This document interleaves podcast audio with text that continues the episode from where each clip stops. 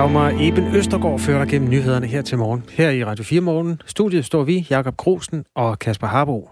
Og hvis du lige er vågnet, er du måske blevet vækket af en øh, alarm fra din mobiltelefon, det bliver jeg i hvert fald hver morgen, skråstrej nat, og det er vist øh, ret almindeligt, har jeg indtryk af her i det herrens år 2020. Ja, jeg er også med på den der. Jeg tror faktisk, de fleste sover tættere på deres øh, telefon end deres partner, hvis man har sådan en.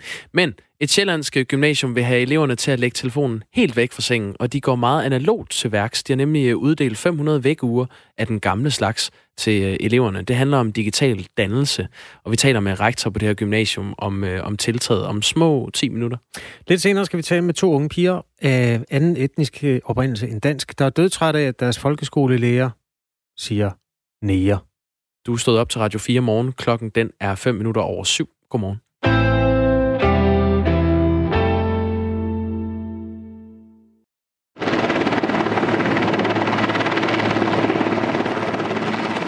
Der kommer Marine One, min sanden, præsident Trumps helikopter. Øhm, I natdansk tid, der landede helikopteren og dermed også præsidenten på græsplænen ved det Hvide Hus. Trump har de sidste dage været til økonomisk topmøde i den svejsiske alpeby Davos, langt væk fra den rigsretssag mod ham, som er blevet skudt i gang nu. Men må ikke han brugte lidt af flyveturen tilbage til USA på at se med, da demokraterne præsenterede deres bud på, hvorfor de mener, Donald Trump bør fjernes fra præsidentembedet. The framers of the Constitution worried then, as we worry today, that a leader might come to power not to carry out the will of the people that he was elected to represent, but to pursue his own interests. Godmorgen, Stine Krohmann Dragsted. Godmorgen.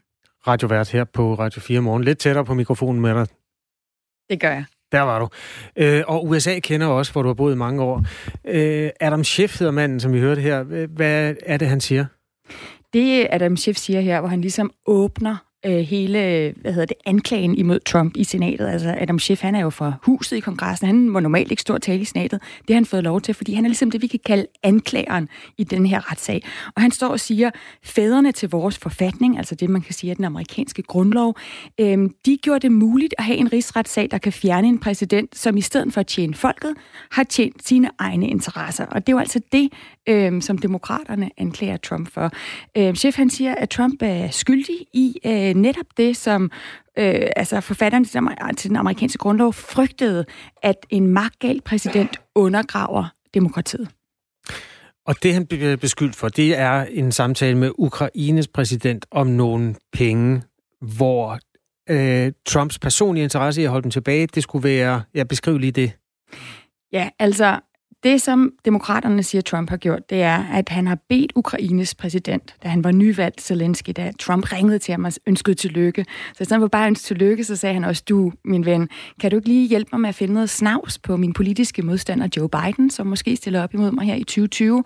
Øhm, og for øvrigt, hvis du ikke gør det, så tror jeg godt, du kan glemme alt om at få 400 millioner dollars, som øh, vi ellers skulle have givet dig i militærbistand. Det er jo sådan, at Ukraine har en lille krig kørende med Rusland. Mm. Øhm, så det øh, er der rigtig mange, der har vredet over, specielt det her med, at det handler om sikkerhedspolitik. Altså det er virkelig noget, som, øh, som splitter vandene i USA.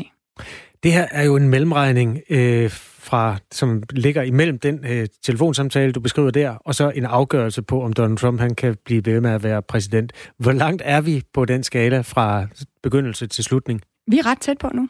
Øhm, og det er vi, fordi at øh, nu er den her rigsretssag begyndt. Vi skal altså lige huske, at det lyder som om, det er en retssag. Det lyder som om, det er en domstol med en anklager og en forsvar. Mm. Vi har, øh, hvad hedder det, præsidenten for højesteret, John Roberts, inde og ligesom præsiderer over sagen.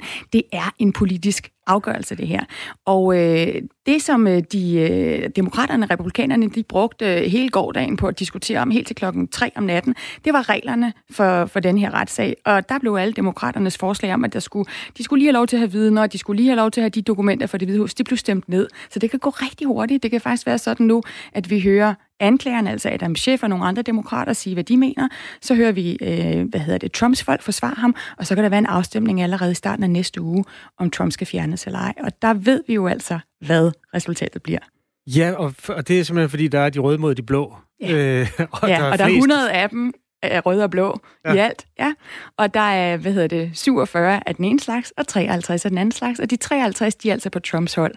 Og alt tyder på, at øh, de 53, de stadig bakker op om Trump. At det er meget, meget svært for demokraterne at overtale nogle af de her republikanere til at gå over på deres hold.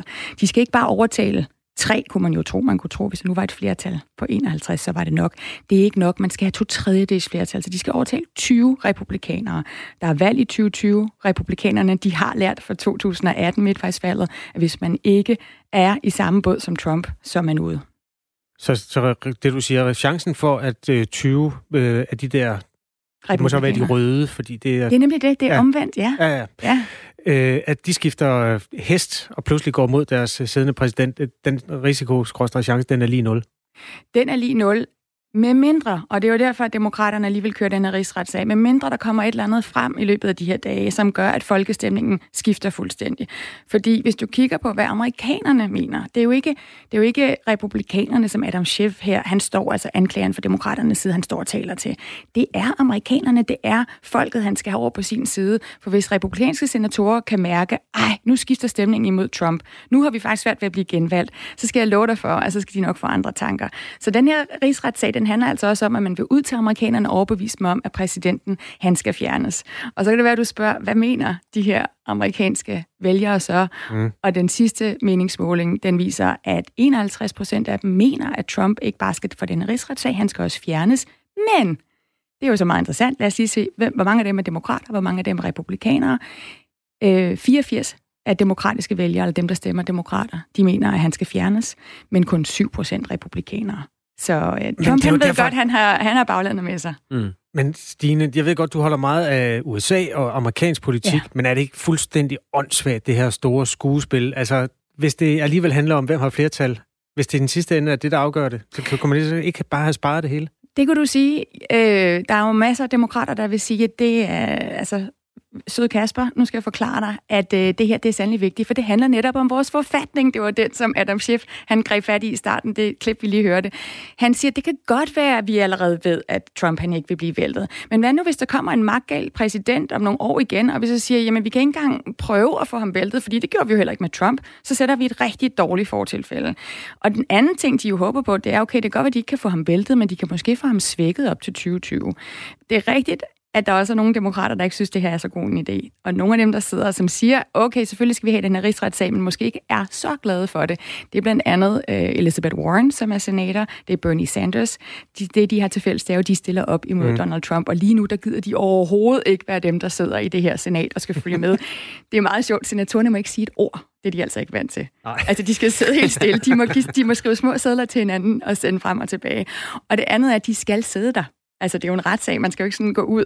Og de vil meget hellere være i en delstat, der hedder Iowa, som stemmer her øh, i næste uge om, øh, hvem af de her demokratiske præsidentkandidater, der skal være, der skal løbe op imod Trump. Kan man se det på dem? Øhm, det kan man, altså det, det er virkelig sjovt, fordi øhm, man må, der er regler for, hvad man for eksempel må drikke, inden, øh, når man sidder på de her øh, tilskuerpladser i senatet, og, øh, og når der er rigsretssag. Og øh, man må drikke vand, og så må man drikke mælk. Man må ikke drikke kaffe. og der har været Hvad så er det for en meget brok. Ja, der har været vildt meget brok blandt de her senatorer, som siger, at de skal sidde 24 timer og høre på demokraterne. 24 timer over flere dage og høre på republikanerne. Altså her forleden, der gik det jo altså til klokken 2-3 om natten, og man må ikke have kaffe med ind. Hvorfor? Jamen, øh, det er nogle gamle regler, der er lavet, og jeg ved faktisk ikke, hvorfor mælk så er blevet tilladt. Men, øh, men sådan er det, og derfor så har der jo selvfølgelig også været masser af klip med senatorer, der har siddet og lige fået sådan en lille øh, blunder.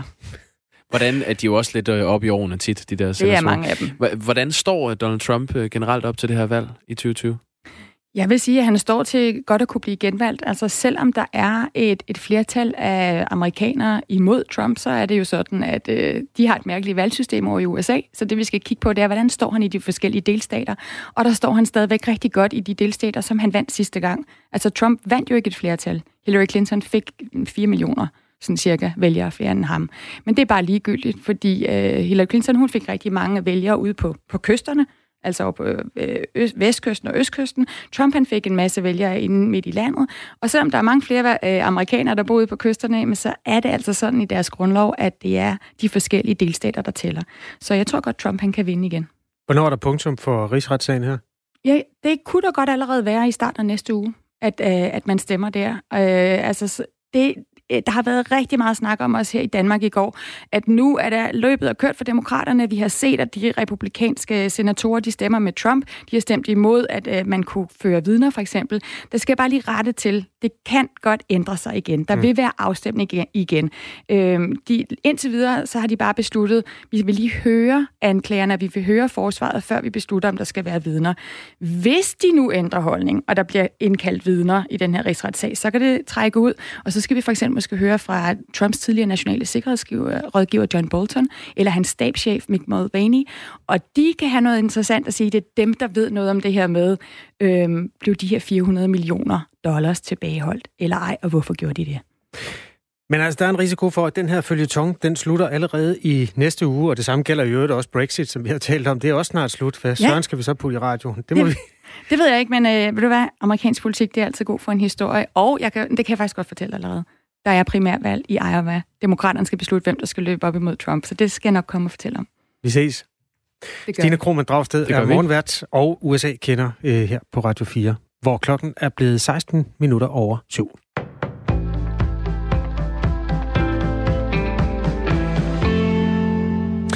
Kasper, øh, her til morgen har vi jo beskæftiget os med den her historie om øh, mange millionæren Jafar Shalshi, som øh, har skrevet under sammen med 121 andre mange millionærer rundt omkring i verden, om at de, de vil gerne betale mere i skat.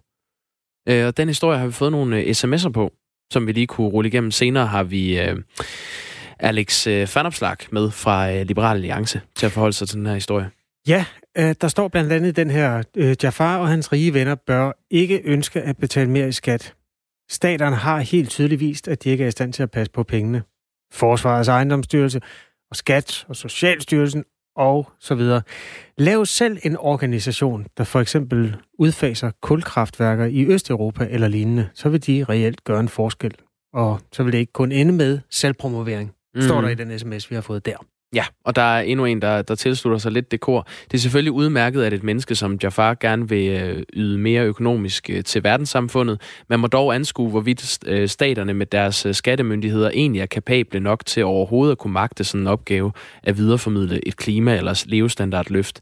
Det er private virksomheder og udvikling, der løfter menneskeheden, og statskasser har det med bare overforbrug eller slet ikke at have styr på statens midler. Det her det er jo diskussionen, om man lige kunne lægge en ekstra procent skattetryk på de rigeste, og der er kommet en sms, der virker som en kommentar til det. Der står bare, de 10 procent rigeste i Danmark betaler 30 procent af alle skatterne. Sagt på en anden måde, dem, der tjener mest, de betaler også flere penge i skat samlet set.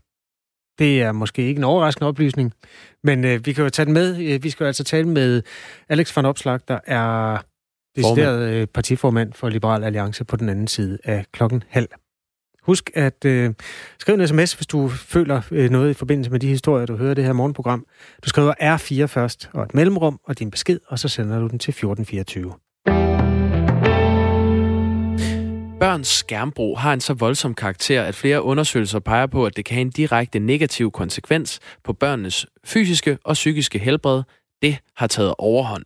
Sådan sagde sundhedsminister Magnus Heunicke i november til øh, Berlingske. Kommentaren kom efter, at ministeren havde bedt Sundhedsstyrelsen om at komme med officielle anbefalinger til, hvordan børn, forældre, pædagoger og lærere bør forholde sig til børnenes brug af skærmene. Et sjællands gymnasium har nu taget øh, meget utraditionelle metoder i brug for at holde eleverne fra Instagram og Facebook. Godmorgen, Thomas Ulrik Stilling. Godmorgen. Du er vicerektor på Roskilde Katedralskole, som øh, ja, står bag et tiltag. I har senest udleveret 500 vækuger til eleverne. Ja, ja. det er det. Hvorfor det? Jamen altså, hos os er digital dannelse et begreb, som i dag er en integreret del af undervisningen, og ikke noget, vi på Roskilde Katedralskole lige er gået i gang med at tage, tage fat på.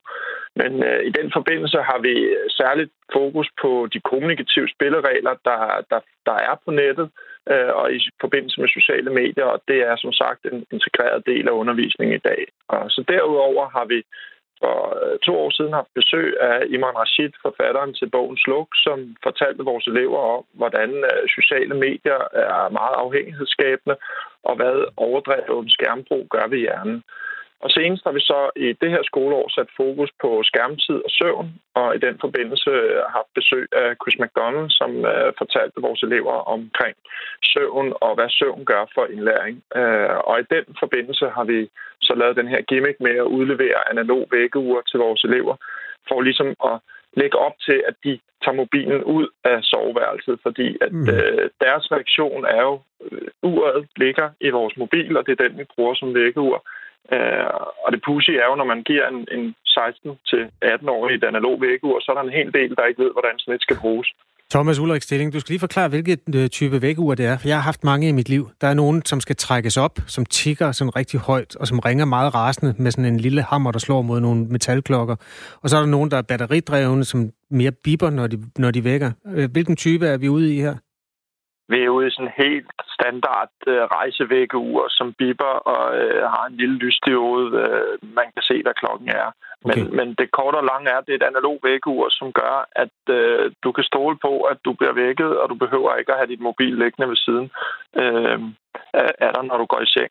Sagen er jo, at undersøgelsen viser, at øh, der er rigtig mange unge mennesker, som det første, de gør, inden de, eller det sidste, de gør, inden de lægger sig til at sove, det er at tjekke deres sociale medier. Nogle tjekker det endda under vejs i løbet af natten, og mange af det, for, for nogle af det, det første, de gør, når de vågner. Og det forstyrrer simpelthen deres søvnvaner. Hvad gør du selv, Thomas Ulrik Stilling? Jeg har sådan en analog vækkeur. Sådan et af dem, øh, Kasper beskriver med, med hammer, sådan nogen fra Anders Sand, der nærmest hopper, når de ringer? ah, dog ikke, dog ikke. Det er sådan en almindelig rejsevækkeur. Okay. Hvorfor er elevernes digitale dannelse jeres ansvar frem for øh, forældrenes? Øh, det er det heller ikke nødvendigvis, men, men digital dannelse øh, og brug af skærme og devices er en del af alles hverdag i dag. Øh, og derfor så er digital dannelse en del af den almindelige dannelse i dag. Og derfor ser vi det som øh, gymnasie. Øh, det er som en del af vores opgave at forsøge at påvirke og guide vores elever øh, i, digital, i gode digitale vaner, mens de går her. Hvad har de kostet, de her 500 vækkeuger? Dem har vi fået ganske billigt. Øh, dem, der øh, leverede var helt med på ideen, så den, øh, det har ikke været en stor omkostning. Har de været investeringen værd så? Det tænker jeg. Altså, på Roskilde Katedralskole, der ved vi jo godt, at vi ikke ændrer verden med at øh, give vores elever et analog vækkeur. Øh, men vi tror på dialogen, og vi tror på, at det sætter nogle tanker i gang, øh, og, og vi kan jo vende tilbage til det øh, og sige, hov, uh, husk nu, det der vækkeur der, ikke? Uh, kunne være en god idé. Det sagde Thomas Ulrik Stilling, vicerektor på øh, Roskilde Katedralskole. Tak for det. Så tak. Ja, og klokken den er blevet 7.22. Hvis ikke øh, du har andre måder at øh, blive orienteret om tiden på, så kan vi da... Vi skal nok holde dig øh, opdateret på, hvad, hvad klokken bliver hen ad vejen øh, den her torsdag morgen i Danmark den 23. januar. Vi oplever det som et problem, når lærere bruger ord som nære. For en lærer er en særlig magtfigur, og mange elever opfatter det som øh, lov Altså det, læreren siger. To folkeskoleelever har skrevet det her debatindlæg i politikken, hvor de kritiserer, at deres lærer i undervisningen har brugt ordet nære, fordi de to elever mener, at det er diskriminerende og er med til at skabe splittelse. Godmorgen, til jeg. Skal vi lige have tændt for mikrofonerne her. Godmorgen. Godmorgen. God, godmorgen. Godmorgen. godmorgen. Ja, sådan der. Yes. Nuru Ida Rus Sharif, som er, har afrikansk baggrund, og Sara Anvari, som har mellemøstlig baggrund, og I er begge to 15 år og går i 9. klasse og er en del af Ungerådet i København. Ja. Velkommen til. Tak. Prøv at Tusind den, tak. Den episode i klasselokalet, som øh, førte til det her debatindlæg. Hvad skete der? Okay, så da vi var i klassen og havde time, så var det, at vores lærer øhm, skrev og snakkede om eller han snakkede om guld til klassen. Og da han ligesom nævnte guld og udvindingen af guld, især i Afrika, så var det, at han brugte det her, altså, så sagde han noget i den stil, at at, øh, hvad hedder det nu, at det er godt at have en masse hvad hedder det, afrikanske nære til at grave guld for os, så vi kan have det på hvad hedder det nu, hænderne heroppe i Danmark, og det giver en helt anden værdi, når nogen er døde for det. Okay. Ja. Øhm, Ja, den, den måde, det bliver lagt frem på der, at er der noget... Er det, er det alene ordet nære, eller er det også, at der er sådan en form for næsten slaveagtig øh, måde i beskrivelsen? Hvad er det, I bliver mest ramt af der? Øhm, altså sådan andet end selve ordet nære, øh, så er det også bare den måde, det bliver sagt på, fordi at, hvad hedder det nu, det var ikke en, øh, det var ikke en særlig sådan, øh, hvad hedder det nu, oplysende, sådan, vi skal have lidt mere hvad det, respekt for dem, eller sådan noget, den stil. Det var Nej. mere en joke, han sådan grinede af, og forventede resten ja. af klassen også skulle grine af. Virkelig, altså provokerende, ja. Hvor gammel er den lærer, sådan cirka? Ah, det handler ikke særlig meget om læreren, men det handler jo rettere sagt om, hvad hedder det nu, hvad, hvad læreren går og siger, fordi at læreren er jo den her slags autoritet, og vi har sådan et forhold mellem læreren og eleven, hvor at det er bare uproportionelt, hvad de person, altså lærerne siger. Ja. På, ja, på grund af, hvad hedder det nu, folk lige siger det her i klasseværelset, som er ligesom en offentlig institution, så er det, at måske kan det være, at folk, der er i gråzonen, har forskellige signaler om, hvad, man skal, hvad der er forkert og rigtigt at sige. Og det kan være, at de bliver påvirket af, at hvis vores lærer ligesom siger de her ord, så kan det være sådan, okay, så kan det være, at jeg også kan sige det her, fordi at det bliver normaliseret i klassen.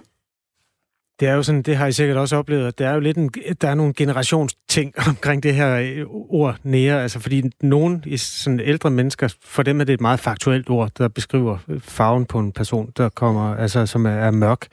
Og så er der i nogle yngre, som har et helt andet, meget anstrengt forhold til det. Hvis man vender den om, må man sige hvide? Altså må man kalde mig, mig for hvid, for eksempel? Er det ok? Der det er lidt... Øh, det, er, det er lidt anderledes på grund af, at der er hvad hedder det nu, anderledes konnotationer til ord, n-ordet, end der er til for eksempel at sige hvide. Altså med n så har der været rigtig meget nedtrykkelse og diskrimination. Ja. Ja, igennem tiden med for eksempel øh, vores danske historie. Hvis vi, ikke tager, hvis vi tager væk fra den amerikanske historie, så der har vi jo stadig en meget, hvad det nu, ja, en dansk Rosom, historie. Ja. Ja øh, hvad det nu, hvor nære er blevet brugt til at nedtrykke sorte mennesker. Også fordi selve nære skulle have sådan rigtig betydet sådan sort slave. Ja, øh, og, ja, øh, og hvad det nu, øh, at sige det til en person, øh, som er sort, øh, hvad det nu, nedtrykker jo bare ved at kalde personen sort slave, også med hvad det nu, hele baghistorien med slaveri og hvad det nu, øh, ja, slaveri på Vestindien, eller i, i Vestindien, sorry. Ja, Dansk Vestindien, ja. ja. Øhm, der, er, der er en lytter, der påpeger, at øh, han har hørt øh, sorte bruge det, når de taler sammen. Øh, er der nogen af jer, der, der nogensinde bruger det, når I snakker med, med andre mennesker? Øhm, altså, jeg kan for eksempel bruge det, når jeg er sådan sammen med, jeg hedder det nogle andre, ved det nu, sorte mennesker, som for eksempel familie. Øhm, hvad hedder det nu? Nu er det jo, øh, hvad hedder det nu, ikke særlig eller racistisk at sige det mod sin egen race eller mod sig selv, yeah. tænker jeg. Fordi ligesom hvis jeg nu var, hvis nu Sara var på en fjerde plads, øh, og jeg også var kommet på en fjerde plads, og så sagde jeg til Sara, ha, du er kommet på en fjerde plads, så, sådan, så rammer det nok ikke Sara så hårdt, for vi begge to er på fire pladser. Ja, og der er ikke et forhold med, altså forholdet er proportionelt, øh, hvorimod hvis der er nogen, der har sådan en her et privilegie, hvor at man historisk set har set øh, folk med, hvad hedder det nu, europæisk baggrund, de har haft, øh, i forhold til slaveri, så har de haft øh, et privilegie i forhold til dansk slaveri, så det er bare, øh, det er forskelligt for at sige det, når man er sådan, sin egen race, man kan sige det om sig selv, end der er en anden race, der har historisk set nedtrykt en, og de bruger den til at sige det om det, dem det, andre. Ja. Det, det, forstår jeg, øh, det forstår jeg godt. Men øh, hvis I bruger det her ord indbyrdes, øh, kan I så forstå, at det kan være svært for nogen at forstå, hvorfor man ikke øh, må bruge det? Altså, hvorfor, øh, formuleret på en anden måde, hvorfor bruger I overhovedet det ord indbyrdes? Jamen, hvad hedder det nu? Det med, at man bruger det indbyrdes, det er jo det er jo, hvad hedder det nu, ens personlige holdning. Altså, det er ikke alle, som er af sort baggrund, der, der bruger det mod sig selv, eller for eksempel øhm, andre, der er, hvad hedder det mellemøstlig baggrund, der bruger sådan perker, de bruger, det kan være, at, nogle, at folk ikke bruger mod sig selv, og hvad hedder det nu? Det er bare det med vores budskab, det handler ligesom ikke om, at n-ordet, det, var, det er ikke primært n men det er bare den, det symbolik, eller hvad, hvad hedder det nu, den her, det her, den her lærer siger, det, hvad hedder det nu, det kan bare mm. være, uh, hvad hedder det nu, uprofessionelt, og det kan bare signalere til klassen, okay, det, det er okay at snakke grimt om folk af afrikansk baggrund, og bare være virkelig hyklerisk om det, eller bare, ja. Nu lød det ikke så fedt, den måde, som I øh, gengav hans øh, fortælling om nogle sorte mennesker, der havde skaffet guld til, at de rige, rige kunne løbe rundt med det i hænderne.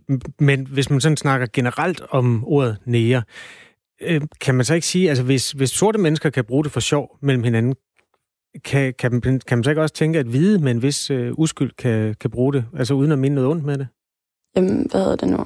Vi tænker bare, at det her N-ord, det er ikke det eneste ord, der kan blive brugt i sådan en nedtrykkende sammenhæng. Det er ikke kun det, det er også andre ord, som for eksempel perker, eller, eller bare ord med konnotationer, der er virkelig nedtrykkende, for eksempel abe, terrorist, hættemå. Altså, det handler ikke kun om N-ordet i den her sammenhæng, men det handler også bare om, at hvad hedder det nu, det man skal sige, det skal man bare, hvad hedder det nu, tænke, at ens handling har konsekvenser på grund af, at der er, de her ord har bare haft en virkelig nedværdigende og diskriminerende historisk sammenhæng, så hvad hedder det nu? Vi fokuserer ikke, særlig, vi fokuserer ikke kun på det med, at han sagde andet men...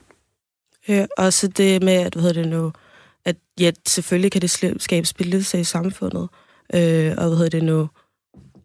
Ja, fordi at det ikke nok med, at, hvad hedder det nu, da, da han sagde, eller da på læreren, vores, vores lærer sagde, at, hvad hedder det nu, den her sætning, så var det, at man kunne se, at der var en bevidsthed om, hvem var hvem, hvem var dem, der havde en mørkere kulør i klassen, og hvem var dem, der havde en lysere kulør i klassen. Og det var bare, der var, der var vi bare virkelig bevidste om det. Det mm. var virkelig ubehageligt at blive sat i den situation.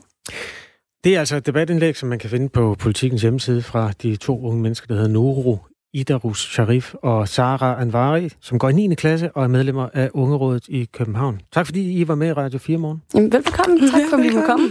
Øh, det her det bliver præsenteret for Københavns borgerrepræsentation, øh, som et forslag om at få kortlagt omfanget af det her problem med ulighed og diskrimination i folkeskolen. Så øh, det sidste ord er ikke sagt i sagen om det ord, der begynder med N. Nu er klokken blevet 7.31.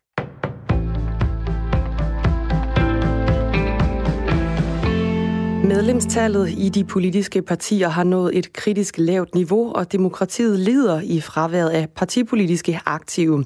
Så lyder det fra eksperter på baggrund af en ny opgørelse over partiernes medlemstal, som Kristelig Dagblad har lavet. Opgørelsen viser, at 135.000 danskere i rundetal er medlem af et parti i dag.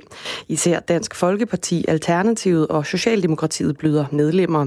Udviklingen får en række forskere til at tale om, at det medlemsbaserede partidemokrati om få årtier kan være fundamentalt forandret. Blandt andre Peter Nedergaard, professor i statskundskab på Københavns Universitet. Han mener, udviklingen bør give rynker i panden hos nogle af partierne.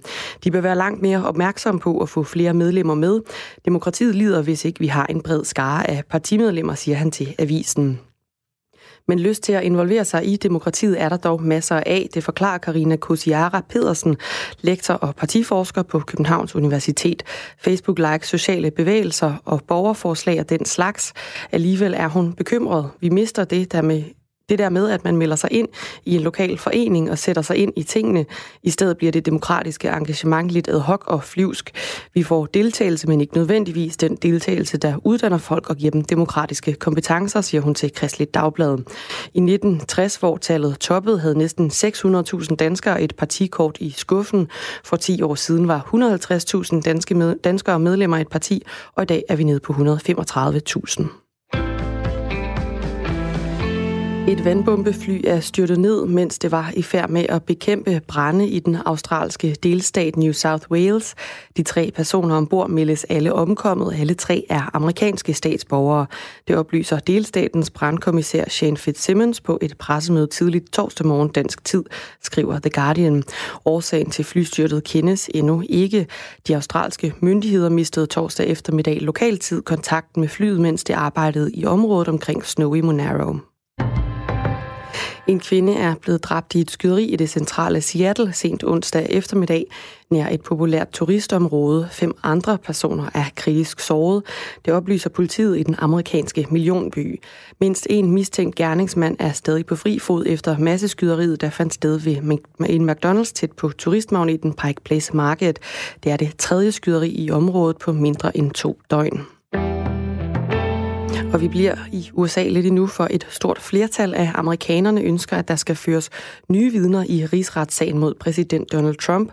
Det viser en meningsmåling fra nyhedsbyrået Reuters og analysebyrået Ipsos. Et forslag fra demokraterne om at indkalde blandt andre Trumps tidligere nationale sikkerhedsrådgiver John Bolton og Trumps stabschef Mike Mulvaney blev på sagens første dag stemt ned i senatet, hvor republikanerne og dermed Trumps politiske bagland har flertal. Over 70 procent af de adspurgte i målingen mener, at personer med førstehåndskendskab til anklagerne mod Trump bør afgive vidneforklaring. Trump har tidligere opfordret blandt andre John Bolton og udenrigsminister Mike Pompeo til ikke at deltage i rigsretssagen. Et markant flertal mener også, at de 100 medlemmer i senatet bør ligge partiinteresser bag sig og optræde som upartiske nævninge. Cirka 44 procent siger, at Trump skal afsættes, mens 31 procent siger, at anklagerne mod præsidenten skal afvises. Trump er tiltalt for embedsmisbrug og for at hindre kongressens efterfølgende efterforskning af sagen. Og så tager vi et kig på vejret til slut. Først på dagen stedvis tåget, men også mulighed for lidt sol. Ellers så bliver det mest skyde, og i løbet af dagen lidt regn hister her. Temperaturen lander mellem 5 og 9 graders varme.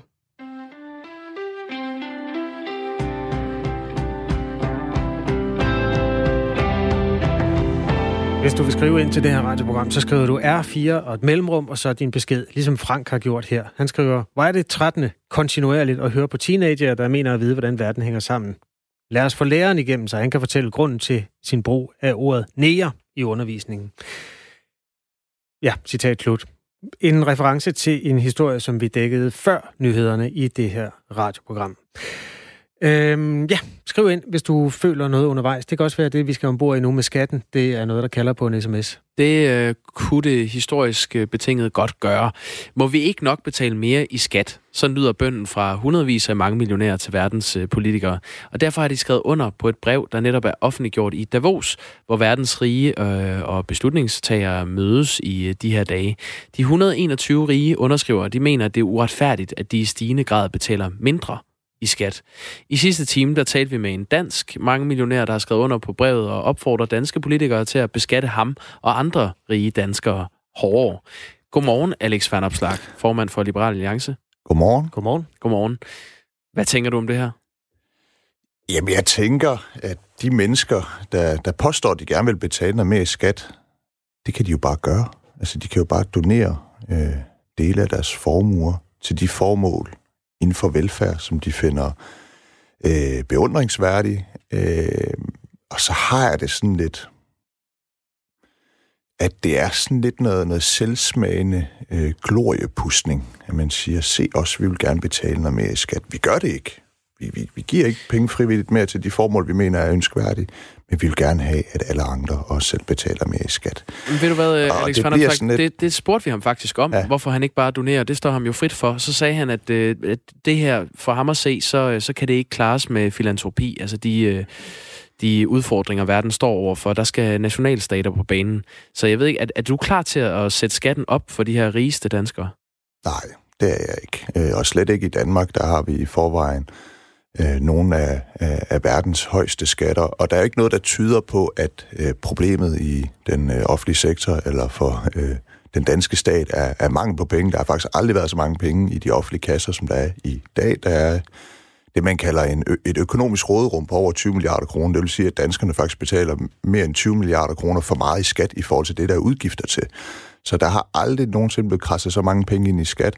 Til gengæld så øh, er øh, politikerne og Øh, Øh, staten bredt set ikke er særlig god til at bruge pengene klogt og effektivt. Og det er øh, måske den største udfordring, vi har, det er, at vi bruger pengene øh, for dårligt, og der er for mange penge, der, der simpelthen bare fosser ud til formål, der ikke er øh, særlig gode.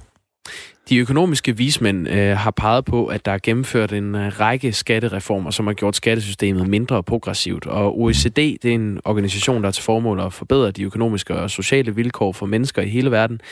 Ifølge dem, der er uligheden i Danmark steget igennem de sidste mange år. Så nu har vi så den her succesfulde danske erhvervsmand, som hedder øh, Jafar Salchi, der vil have vendt den udvikling og har skrevet under på det her øh, brev.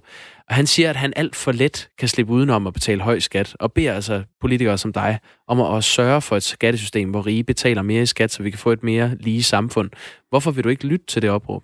Men altså, hvis der er en ting, jeg gerne vil lytte til, så er det, at der er en urimelighed i, at dem, der har råd til de dygtigste jurister, de kan lave skattefinder. Det synes jeg er urimeligt. Jeg synes, det er urimeligt, at den øh, superrige, han kan tilkøbe nogle, nogle advokater og nogle, nogle, nogle skatterådgiver, der kan rådgive ham til, hvordan han minimerer sin skattebetaling, mens den selvstændige håndværksmester, der måske også er, altså er velstående, tjener nogle millioner om året, ja, han har ikke den mulighed. Det synes jeg egentlig er, er urimeligt. Jeg synes, at alle mennesker fortjener at kunne beholde flere af deres egne penge. På lige fod med, hvad, hvad, hvad nogle rige mænd gør, hvis de vælger at benytte sig af øh, forskellige øh, øh, skattefinder. Så er der det her med, med, at uligheden i, i Danmark er stigende. Altså, vi er jo stadig et af, af verdens mest lige lande, og der er mange ting, der får uligheden til at stige. Altså, det seneste, der får uligheden til at stige, det er den finanslov, som de røde partier på Christiansborg har indgået, der har de hævet afgifterne så meget, at det får uligheden i Danmark til at stige. Men der siger enhedslisten, altså det mest yderliggående venstreorienterede parti i Danmark, grænsende til kommunister, siger, at den øgede ulighed, som følger finansloven, det er faktisk lige meget.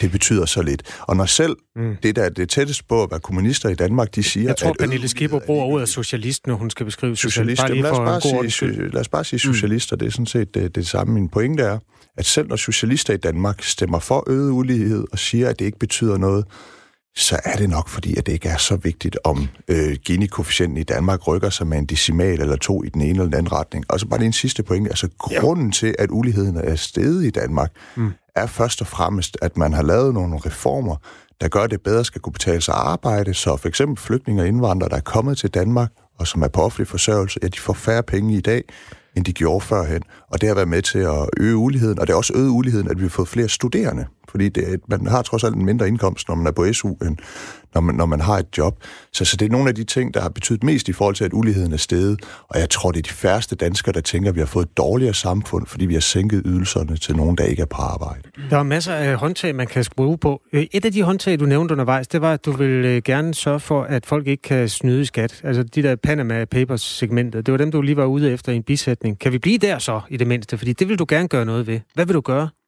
Ja, altså, jeg vil gerne have, at, at flere mennesker har mulighed for at betale mindre i skat.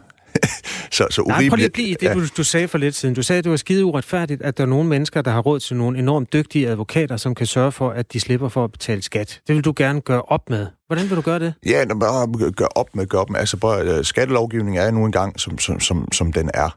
Øh, og det er klart, hvis der er nogle huller i skattelovgivningen, som er sådan helt fuldstændig åbenlyst absurde... Det er derfor, der hele tiden kommer Panama Papers-historier. Jo, jo, absolut. Og det, der skal man jo se på, hvad kan man gøre for at, øh, at, at lukke de huller. Man skal også kigge på sådan det internationale øh, skattearbejde. Men der, hvor jeg synes, uretfærdigheden er størst, det er jo, at, at håndværksmesteren skal betale så meget i skat, og at han, han skal kontrolleres i, i hoved- og bagdel af øh, skat for at se, om han har øh, indberettet hver en krone korrekt. Og det, det, det er jo lige så meget der, jeg siger, at sådan en som ham skal også have mulighed for at blive øh, lettet en smule for Jamen, nu skal for du ikke uh, uddele skattelettelser, Alex van Opslag. Du var simpelthen ombord i noget, der var så super interessant. Ja, men min pointe var mest af, at uretfærdigheden bestod i, at der var andre, der ikke havde samme mulighed for at betale mindre i skat. Vi har også talt med Skattefar i dag, som faktisk uh, Skattestyrelsen har for, har held til at indkrasse 98 kroner ud af hver 100, som burde være krasset ind. Så det er jo også et udtryk for, at det er ikke noget, der kommer af sig selv, der med at betale skatten.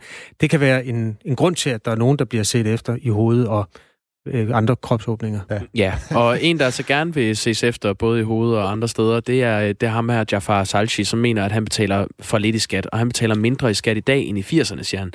Øh, og derfor er der færre penge til danske skoler og vores sundhedssystem. Lad os lige høre, hvad han sagde.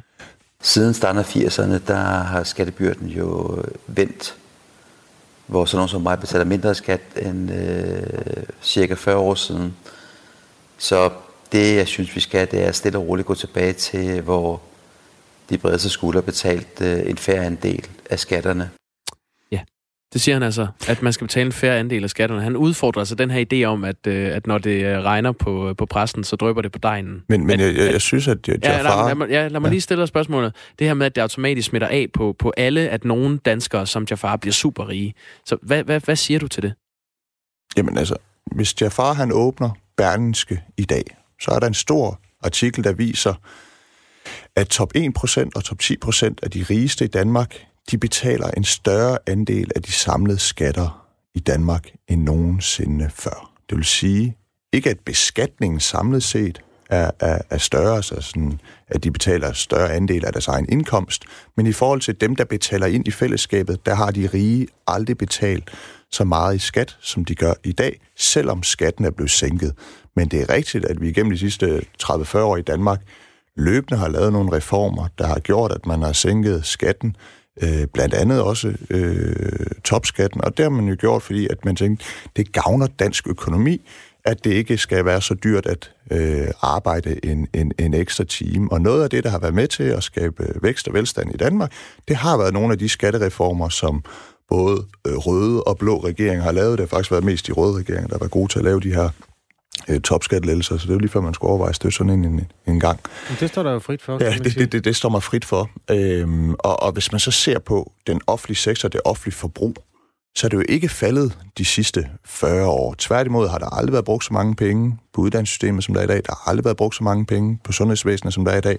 Der, hvor der er blevet skåret på velfærdsstaten, det er jo, at man har øh, lavet en efterlønsreform. Man har sagt, at man kan ikke være på dagpenge i, i fire eller i syv år, som man kunne førhen. Man har sænket nogle sociale ydelser, og det har gjort, at der er flere mennesker, der er kommet i arbejde, og det er jo en ansvarlig socialpolitik. Mm. Men det betyder ikke, at vores velfærdssamfund var bedre i gamle dage, fordi det bedre kunne betale sig ikke at arbejde. Det betyder bare, at vi havde en meget, meget stor velfærdsstat med nogle uansvarligt høje og lange ydelser, og det har man gjort noget ved. Alex Farnopslag, øh, lige her til sidst. OECD, som, som jeg nævnte tidligere, så, så har de altså pointeret, at uligheden i Danmark er steget igennem de sidste øh, mange år. Så det, det er jo også det, vi må tage udgangspunkt i her. Altså, mm. hvor, hvor er din smertegrænse, når vi taler ulighed i det danske samfund? Jamen, den er der ikke nået endnu. Altså, det er den der ikke engang for enhedslisten. De har lige stemt for en finanslov, der øger uligheden i Danmark, så, så selv enhedslisten synes, at det er ligegyldigt med øget ulighed i Danmark. Altså, vi er et af verdens mest lige lande, og der er ikke en sjæl i Danmark, der kan mærke den, når Gini-koefficienten rykker sig med en decimal eller to. Og så må man også bare holde fast i, det at der er nogle mennesker, altså dem, der er de rigeste i dag, at de er rigere end dem, der var de rigeste for 10 år siden. Det er jo ikke de samme mennesker, der er en stor udskiftning. Men det, at der er nogen, der er blevet rige, det er der ikke en eneste, der, tager, der har taget skade af. Det går jo ikke ud over andre, at der er nogen, der får det bedre økonomisk. Og der har det sådan lidt, som samfund og som politikere, skal vi da onde mennesker det godt, og vi skal da glæde os på deres vegne, når det går dem godt, i stedet for at være sådan uh, jaloux og misundelig at sige, I er også nogle grådige svin, der skal betale noget mere i skat. Det sagde Alex Vanopslag, formand for Liberal Alliance. Tak fordi du var med her. Selv tak. Klokken er 7.46, og nu skal vi vende os mod det interview, der aldrig kommer til at finde sted. Det ja. er nogle gange de allermest spændende historier. Dem, der ikke bliver til noget. Sagen er den, at øh, den saudiarabiske stat har doneret 5 millioner kroner til Taiba, moskeen, som ligger på Nørrebro i København. Og øh, vi har jo hørt forskellige, øh, både fra politisk hold og mere analyserende mennesker, forholde sig til, hvad ligger der i det, og hvad er det sådan en pengegave vil kunne udmynde sig i? Og så vil det være logisk at snakke med moskeen også, eller mm-hmm. en imam fra moskeen. Ja, det har vi forsøgt, og det øh, har ikke rigtig kunne lade sig gøre, men vi har fået et svar via Facebook. Vi har stillet nogle spørgsmål skriftligt. Det er vores øh, gode kollega Peter Sindbæk, der har skrevet til moskeen, og vi er ikke helt klar over, hvem det er, der har svaret på moskeens vegne, men øh, hvis nu vi forestiller os, at det er en informationschef eller imam eller sådan et eller andet, så kan vi måske dele den imellem os, sådan at den ene af os stiller Peter Sindbæks spørgsmål, altså ja. læser dem op, og så kan den anden læse svarene op. Det er en god idé, Kasper. Det er et lille hørespil. Skal jeg, øh, skal jeg stille spørgsmålene, så er du øh, talsmand? Nej, jeg tror, det er dig, der er imamen her. Jeg Nå. stiller spørgsmålene, og du, du svarer. Okay, du er instruktør. Kom. Godt. Spørgsmål nummer et fra Radio 4 til Taiba Moskeen. Hvorfor har I valgt at tage imod så stort et beløb fra Saudi-Arabien? Vi søger støtte og donationer bredt, uafhængig af ideologiske eller politiske standpunkter, akkurat som andre trosamfund i Danmark, der modtager donationer fra udlandet. Spørgsmål nummer to ud af fem fra Radio 4 til moskeen. Føler I sig måske, at I har et direkte værdifællesskab med kongedømmet Saudi-Arabiens wahhabistiske fortolkning af islam? Nej, vi har ikke et særligt værdifællesskab med kongedømmet. Vi er en menighed, som fagner bredt, og vi deler i store træk værdifællesskab med alle muslimer, danske såvel som arabiske. Når det er sagt, så er der en stor mangfoldighed blandt muslimer, hvad angår levevis og livsforståelse. Spørgsmål nummer tre fra Radio 4 til Taiba Moskeen. Har I forpligtet jer til samarbejde eller andre former for udveksling som forudsætning for donationen på de 5 millioner kroner? Til det svarer uh, Taiba Moskeen. Nej, der er ikke bundet betingelser op på støtten, og vi har ikke forpligtet os til noget samarbejde. Vi er og vil forblive en uafhængig menighed for danske muslimer til traditionel læring og åndelig fordybelse. Spørgsmål nummer 4. Hvad er jeres svar på den kritik, der er blevet rejst i kølvandet på skriverierne om den saudiske donation, herunder kritik fra ledende politikere og ministre? Donationen strider ikke mod loven. Øh, vi opfatter kritikken som forudsigelig og endnu et led i den anti-islamiske retorik, der ofte øh, der optræder jævnligt herhjemme. Sidste spørgsmål fra Radio 4 til Taiba måske lyder sådan her. Vil I i fremtiden acceptere donationer af denne type fra Saudi-Arabien eller andre lande? Ja, så frem der ikke følger betingelser eller en forventning om modydelser, vil vi som trosamfund fortsætte med at benytte retten til at søge puljer og støtte hos øh, fonde i såvel ind- som udland. Så send flere penge, var altså budskabet fra Taiba-moskeen til den saudiarabiske stat, og med mellemlanding i øvrigt på den saudiarabiske ambassade, som er der, hvor pengene er blevet kanaliseret igennem. Så vidt dækningen af den sag i Radio 4 morgen. Klokken er 10 minutter i 8. Statsminister Mette Frederiksen sagde sidste uge i en debat i Folketinget, at der ikke er noget, der står over den danske grundlov. Heller ikke Gud. Nu skal vi sige godmorgen til Michael Vandt Laversen. Godmorgen. Godmorgen, godmorgen. Generalsekretær godmorgen. Kan i du Fri... høre mig? Ja tak. Og du kan høre mig? Ja. Det er en rigtig god situation. Øh, Michael Vandt Laversen er generalsekretær i Frikirkenet, som er en paraplyorganisation for kristne trosamfund uden for folkekirken. Og du har skrevet et debatindlæg i Kristelig Dagblad, hvor du kritiserer Mette Frederiksens udtalelser. Altså Mette Frederiksen siger, der er ikke noget, der står over den danske grundlov, heller ikke Gud. Hvorfor synes du, at ja, er øh, hun er på... Øh, hvorfor, altså, hvad har du imod det udsagn? Hvorfor er grundloven ikke hævet over Gud? Jamen altså, altså egentlig så synes jeg, hun kommer til at gøre det, som hun selv kritiserer. Hun kritiserer, øh, når at øh, lov og religion bliver blandet sammen. Øh, men det er jo egentlig det, hun selv gør. Altså hun blander jo øh, Gud og grundloven øh, sammen, øh, og øh, politik og tro. Det er jo aldrig statens rolle og opgave at skulle diktere, hvem jeg som privatperson anser for at være den højeste autoritet. Men staten, den skal koncentrere sig om, at jeg som borger holder grundloven. Så øh, at hun øh, på den måde øh, prøver at betinge sig, hvem jeg egentlig tilbeder mit hjerte, det kan hun ganske enkelt ikke. Det er ikke hendes opgave. Jeg ved godt, hvad hun mener. Mm. At hun ikke vil have, at islamiske lovregler, at der skal være sådan en parallel lovgivning med sharia-lovgivning. Men så er det jo det, hun skal sige. Det kan også være, hun, hun synes, ikke, at øh, abortmodstandere ikke skal for eksempel øh, stille sig over. Altså, der findes jo også i andre religiøse samfund, som, som balancerer på kanten af, af noget, øh, som grundloven ikke vil være med til. Altså, kan, kan du give det, et eksempel det, på, det, at grundloven... Det med det. Ja, nu snakker vi lidt i munden på hinanden. At grundloven er hvad? Kan du give et eksempel på, at grundloven den står under Gud for dit vedkommende? Jamen, øh, hvis vi nu havde levet i et diktatorisk land, som havde en uretfærdig grundlov, hvor mennesker de blev undertrykt, så ville jeg til enhver tid være bundet af min tro. Folk, andre mennesker vil være bundet af andre ting, og det er jo op til dem, hvad de er bundet af. Men vi vil altså være bundet af et eller andet til at sige, den grundlov vil vi ikke have med at gøre. Men nu er vi så heldige, at vi bor i Danmark, hvor vi har en fantastisk grundlov, som øh, giver forsamlingsfrihed, ytringsfrihed, religionsfrihed, og som i øvrigt blev skabt af mennesker, som var dybt præget af et kristen menneskesyn, og af mange andre ting også. Øh, derfor har vi en fantastisk grundlov, som vi jo alle sammen skal holde, og det er det, som statsministeren skal koncentrere sig om. Hun skal koncentrere om som borger i det her land, så skal vi holde den danske grundlov, men hun er ikke statsteolog. Hun skal ikke gå ind og, og, og fortælle mig, hvor jeg skal placere Gud, om han skal være over eller under, eller til venstre eller til højre for grundloven. Men er det ikke lige præcis det, hun gør, når hun siger, at, øh, at Gud ikke er over grundloven? Hun forholder sig til, at vi har en god grundlov, som vi alle sammen skal beskytte og respektere. Det er vel det, hun siger? Jamen, hun blander jo egentlig, hun blander jo egentlig to ting sammen. Altså, hun blander jo uh, tro og politik sammen, uh, og det skal hun ikke gøre. Altså, mit gudsforhold skal hun ikke blande sig i. Hun skal blande sig i, at jeg holder grundloven. Hvorfor blander hun sig uh, i dit gudsforhold ved at sige, at, at Gud ikke er over grundloven? Det skal jeg bare lige forstå. Fordi hun, blander, fordi hun blander Gud og grundlov. Altså for mig er Gud jo at, altid den øverste autoritet, alting. Altså fordi Gud er skaberen af himlen og jorden, og, og for et hvert troende menneske, så giver det jo ikke mening, at man sådan reducerer Gud til en eller anden størrelse, man kan smide ind under andre ting, hvis han er skaberen af himlen og jorden. Så hendes udsagn, det giver jo mening, hvis man enten ikke tror på Gud, eller hvis Gud er sådan en kulturfigur, men hvis man er et troende menneske, så giver det udsagn ganske enkelt ikke mening. Men giver det i og, praksis og det, nogen mening? Undskyld, men giver det i praksis nogen mening at sige Gud over grundloven? Altså, hvordan, hvordan i praksis, øh, hvordan kan man se det i din hverdag, at Gud øh, står over grundloven? Jamen, for mit vedkommende, jeg er et troende menneske. Øh, jeg er en dansker. Jeg holder grundloven, og, øh, og så tror jeg på Gud.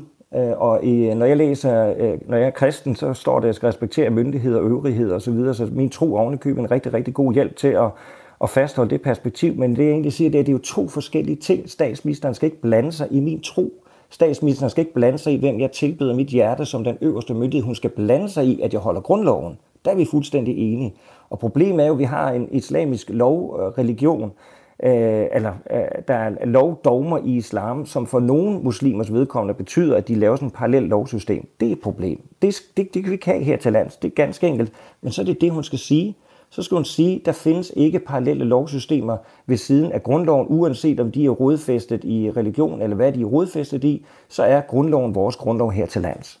Og det er ganske enkelt det, hun skal sige. Jeg skal måske lige repetere, hvis der er lytter, der kommer til. Vi taler med Michael Vand Laversen, som er generalsekretær i Frikirkenet, som er en paraplyorganisation for kristne trosamfund uden for folkekirken. Og øh, baggrunden er, at statsminister Mette Frederiksen var indkaldt til en forespørgselsdebat i Folketingssalen, øh, hvor Dansk Folkeparti i en håndfuld år har indkaldt den siddende statsminister til at redegøre for værdipolitikken. Og det var så her, at Mette Frederiksen sagde det her. Vi ser alt for mange tendenser fra folk, der kommer udefra, hvor de undertrykker individet. Det vil vi aldrig kunne acceptere. Grundloven står over religion. Øhm, Michael Vandt Laversen kolliderer den personlige tro ikke nogen gange med grundloven. Ikke i mit tilfælde, og ikke, i, ikke fra en kristen synsvinkel. Altså, det, jeg kan jo ikke tale på andre religioners vegne, men ikke fra en kristen synsvinkel. Fra en kristen synsvinkel, så har vi en fantastisk grundlov herhjemme i Danmark. Men havde vi en grundlov, der ikke var fantastisk, mm. eller var der love, som, hvor det brød sig mod ens, civil, øh, ens øh, samvittighed, jamen så har vi jo muligheden for civil ulydighed. Øh, men i, i Danmark har vi en enestående grundlov, og selvfølgelig er det den måde, vi indretter os på i Danmark, og som alle er nødt til at rette sig ind, i, ind på. Det behøves Gud ikke at skulle tages til indtægt for, som statsministeren gør. Altså, der er, øh, det er noget, som vi forventer alle borgere i det her land. Men mindre man siger, at vores grundlov den er baseret på nogle gode kristne værdier, der har en hel del til fælles med den Gud, som mange mennesker i Danmark tror på. Ja, men det er jo det, som den danske, det er jo vores danske arv. Altså i Danmark har vi en fantastisk kristen historie, kristen arv, som vi skal være utroligt taknemmelige for. Det kan jo uh, kun uh, være med til rus. Og sådan er det, når folk kommer hertil fra andre lande, så er de nødt til at kende, at, uh, at i Danmark har vi, er vi præget af et uh, kristent uh, værdisæt i vores lovgivning.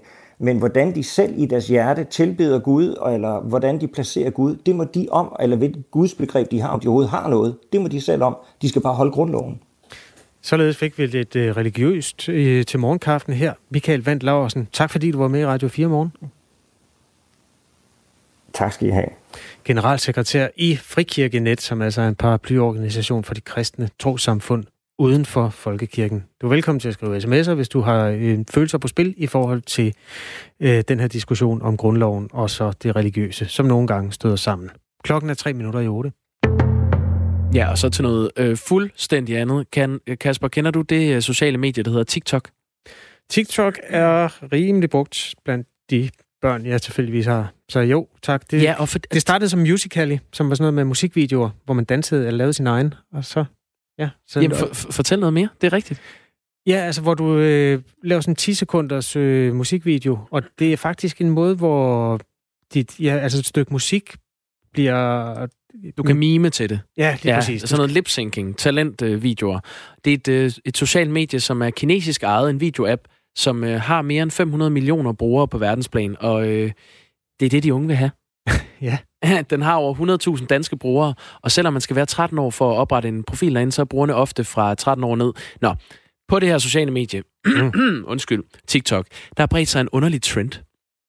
Og det er unge mænd, der poster videoer, hvor de døber eller smører deres øh, testikler ind i soja, fordi de har hørt, at der sidder smagsløg nede i, øh, i pungen. Det er videnskab.dk, der skriver det her. Hvorfor er det så soja, de smører på? Det smager jo bare det smager jo af salt. Nej, det smager umami. Og Nå, det er netop det? det. Ja, fordi Daily Mail har skrevet en artikel i 2013, hvor de skriver om, at både testikler og anus har smagsløg. De skriver, de skriver, forskere siger, at smagsreceptorer i testiklerne og i anus, til trods for, at de befinder sig langt fra munden, kan spore den krydrede smag af umami, aminosyren i sojasauce. Og øh, det lyder jo helt sort det her, men der er så en, en uh, pige på TikTok, der er faldet over det her, den her artikel fra 2013. Hun hedder Regan. Uh, hun krævede nogle svar, så hun lavede en video, hvor hun uh, spurgte ud åbent på TikTok. Hvis du har testikler, så døb dine nosser i noget, tak. Det er for videnskabens skyld, at jeg har brug for at vide det. Uh, altså, om det her det er rigtigt. Ja. Og det har TikTok-brugeren Alex James blandt andet gjort. Lad os lige prøve at høre ham. Okay, so I saw this TikTok talking about testicles having taste buds, so I decided to Google it, and it's true. And then I read down here it says that the amino acid in soy sauce can also be detected Ja. by the Han siger altså, øh, han fortæller om det her med, at han har set en artikel, der handler om, at, øh, at øh, sojasauce, det kan smages, når man dypper sine testikler i det. Sojasauce. Soy sauce. Og det øh, gør han så. Han putter så... Øh, man kan ikke, hans pung er uden for frame, lad os sige det sådan. Men han, Ja. han dypper, og så, ja, så, så er han faktisk helt oppe at køre. Lad os lige prøve at se. My twins. I'm like, yeah, here you go, boys. Nu gør han det så. Det er lidt spændende, hvad han kommer frem til, nemlig.